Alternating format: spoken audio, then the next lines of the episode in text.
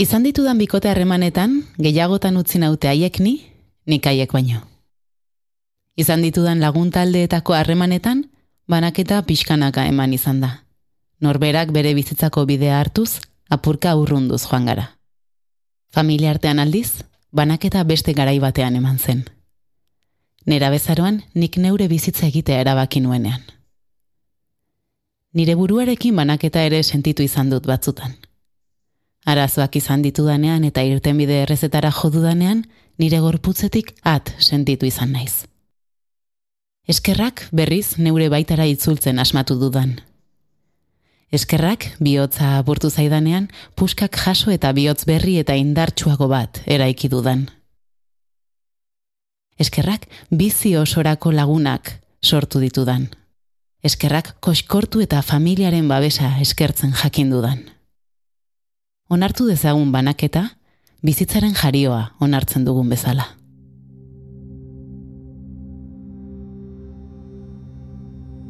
Gaur, urrats berri bat emango dugu, banaketaren alde argitzutik.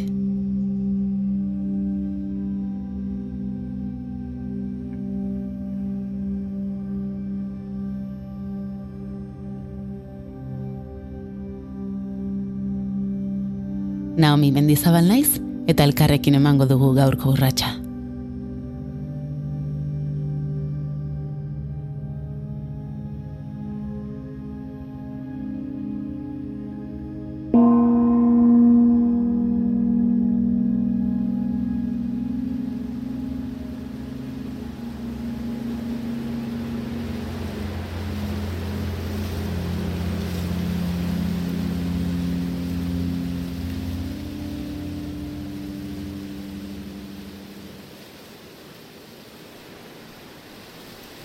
Utzi zure begiak isten lasai eta mantendu itxita saio guztian zehar. Sentitu zure ingurua. Zauden lekua.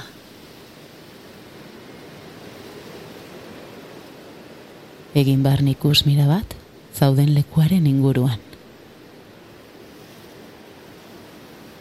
Lau ormak,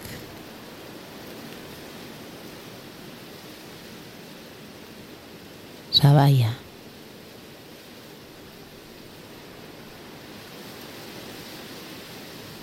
Lurra. Zure gorputza. Bertan etzanda edo eserita.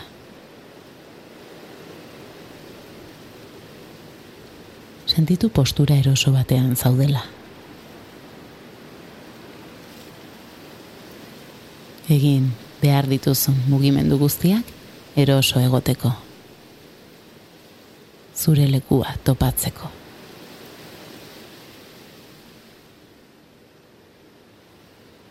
Oso garrantzitsua da eroso egotea. Erlaxatuta. Mugitzen baldin bazabiltza, saioan zehar lortu duzun erlaxazio egoera etengo duzu. Beraz, hartu denbora bat zure gorputza eroso eta lasai sentitzeko.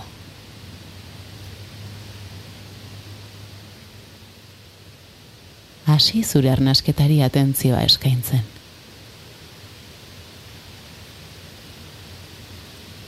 Begiratu. Sentitu zure gorputzak no lartzen duen arnas.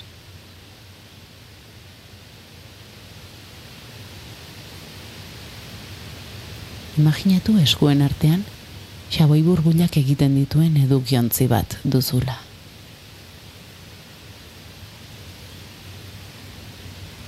Burbuliak sortu behar dituzu, eta horretarako makiltxoa edukiontzitik atera, arna sasakon hartu, makiltxoa parean jarri, eta astiro eta leun haize dena ateratzen utziko duzu.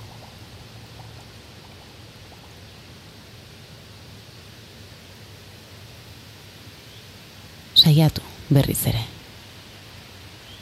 Busti makiltxoa, jarri hau aurrean,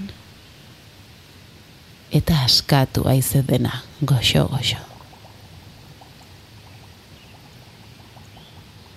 Sentitu nola geroz eta goxoago askatu aizea, orduan eta ederragoa den burbulla. Begiratu zenbat burbulla sortu dituzun. Arnasa hartzen duzunean, lasaitasunez betetzen zara. Eta arnasa botatzen duzunean, pentsioak askatzen dituzu. Pentsamentu eta kezkak badoaz.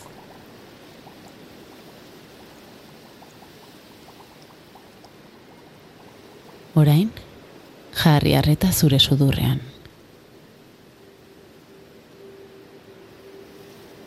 Hasi sudurretik arnasa hartzen, eta askatu haotik. Utzi aize den ateratzen. Saiatu beste behin. Artu arnasa sudurretik, eta askatu den dena haotik. Sentitu nola hoa eta matraila aske geratu diren. Azken saiakera bat. Kontzentratu, ahoa, Espainiak eta matraila aske sentitzen. Eta utzi azken atxateratzen.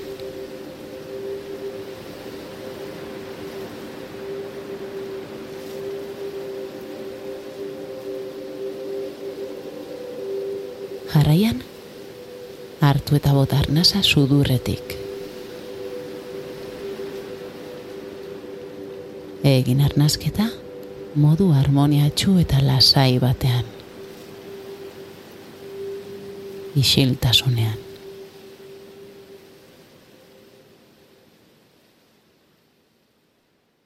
Hartu arnasa poliki eta joan askatzen pixkanaka sudurretik. Errepikatu prozedura hau behin eta berriz.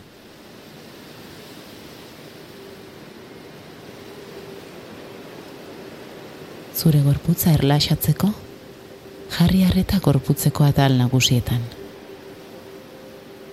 Sentitu oinak, zangoak, aldakak,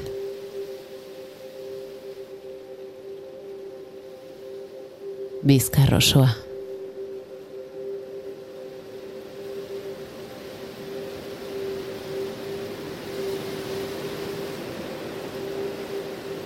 Sabela. Bularra. Besoak. Eskuak eskutako atz bakoitza. Sorbaldak. Lepoa. Burua eta aurpegia. Begiak. Ahoa.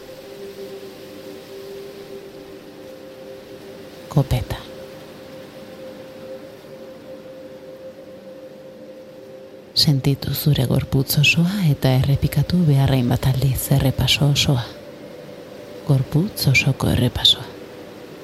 Oinetatik burura eta burutik oinetara.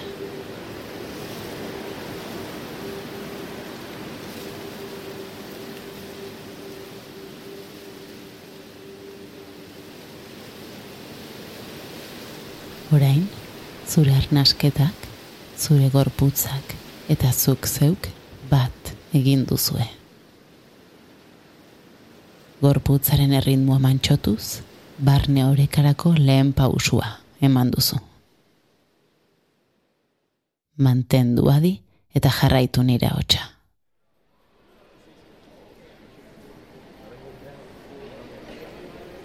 Tren geltoki batean zaude zure begien aurrean tren geltoki bat agertu da.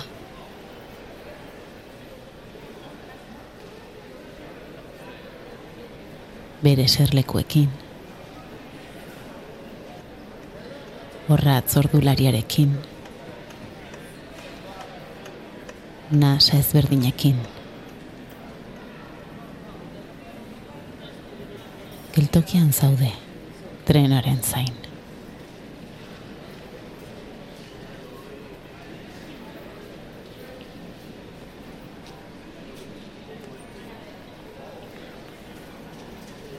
Eserleku batean eserizara trenaren zain.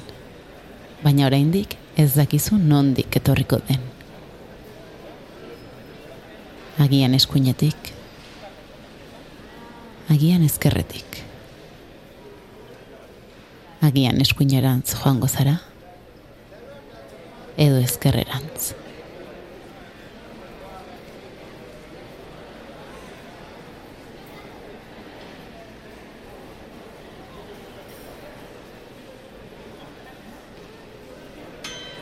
Pendulua bezala dabilkizu zalantza.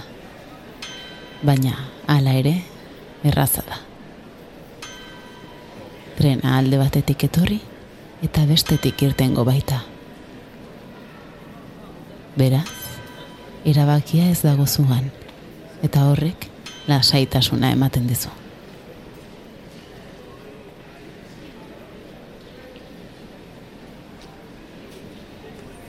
Eserlekuan zaudela, trenaren soinua entzun duzu urrunetik.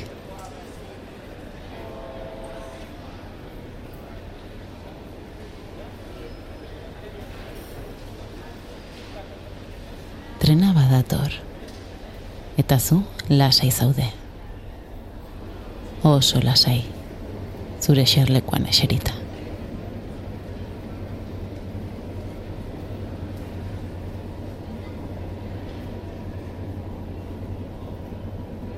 trena geltokian sartzer dago. Eta zutitu egin zara.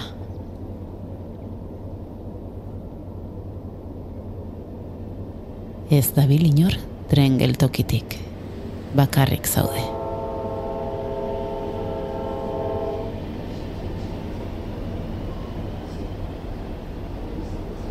Eta ez da inor jeitsi trenetik.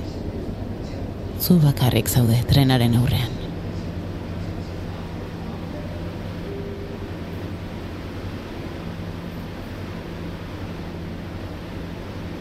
Sartu eta toki hartza erabaki duzu.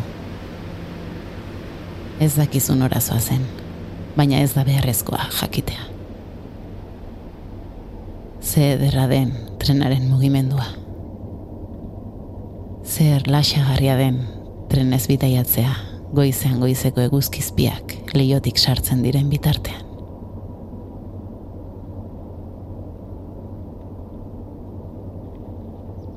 baina trena ez du aurrera. Ateak oraindik zabalik daude, eta trena geldirik dago.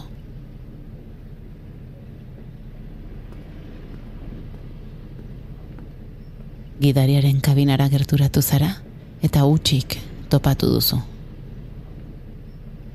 Lehen, norantz joateren erabakia trenaren gain utzi duzu. Baina orain, aldiz, erabaki bat hartu behar duzu.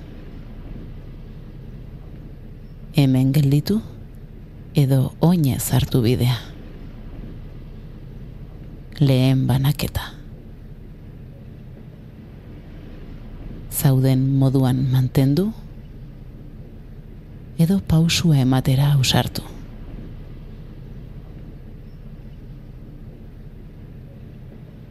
Trenbidera begiratu eta bertatik oinez joatea erabaki duzu. Trenez ez zoa zenarren, haren bidea egitea erabaki duzu. Baina norantz. Eskuinera edo ezkerrera. Nora bide banaketa. Etorri den lekutik aurrera jarraitu edo atzera jo zein hartuko duzu.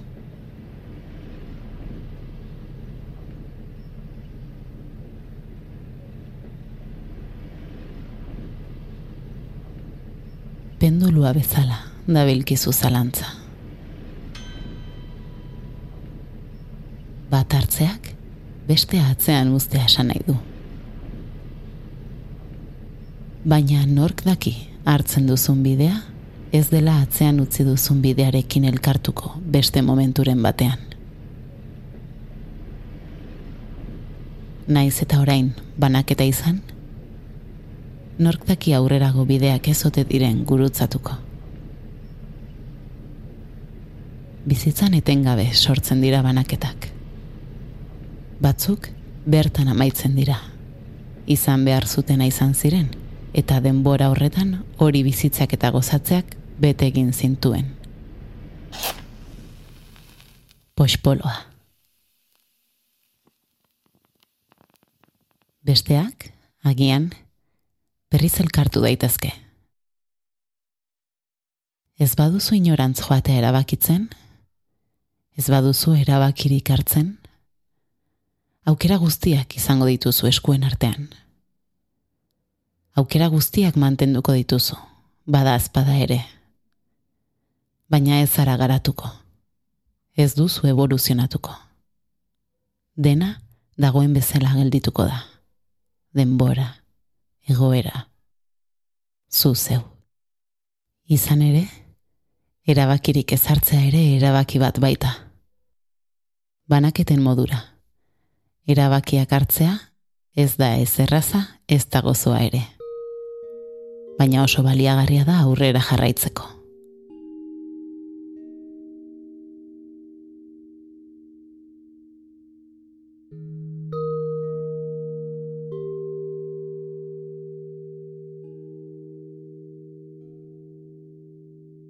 Momentuan hartutako erabakia hartuta gelditzen da. Aproposa den ala ez pentsatzeko momentua pasada. Zuk erabaki hori hartza erabaki duzu eta ondo dago.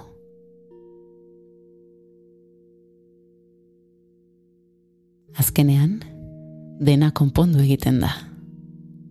Azkenean, trena geltokira iristen da okerreko erabakia hartuta ere, trena geltokira iristen da.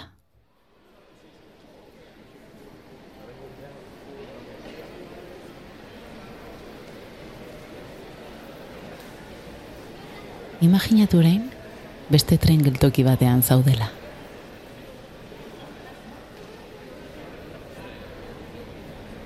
Trenaren zain zaude, eta trenaren soinua entzun dezakezu urrunetik.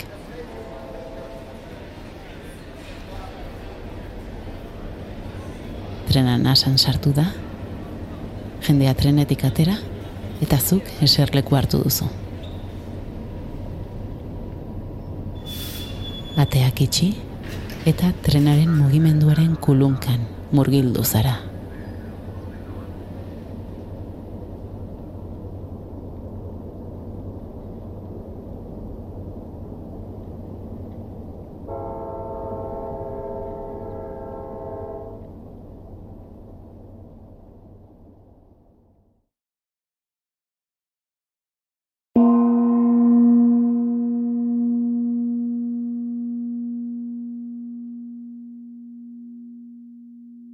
Naomi mendizabal naiz eta hau urratsa da. Piskanaka eta astiro zure osotasuna berreskuratzeko bidea egiten lagunduko dizun podcasta. Dagoeneko zortzigarren atala dugu. Eta gurera orain batu bazara, oroitu gainerako kapituluak entzun gai dituzula EITB podcasten eta zure audio plataforma kutxunean. Gainera, orain arpidetu ez bazara, hartu tartetxo bat eta arpidetu. Asko eskertuko dizugu. Besterik ez, datorren urratxera arte. Ei, entzun hori. Ulu Media.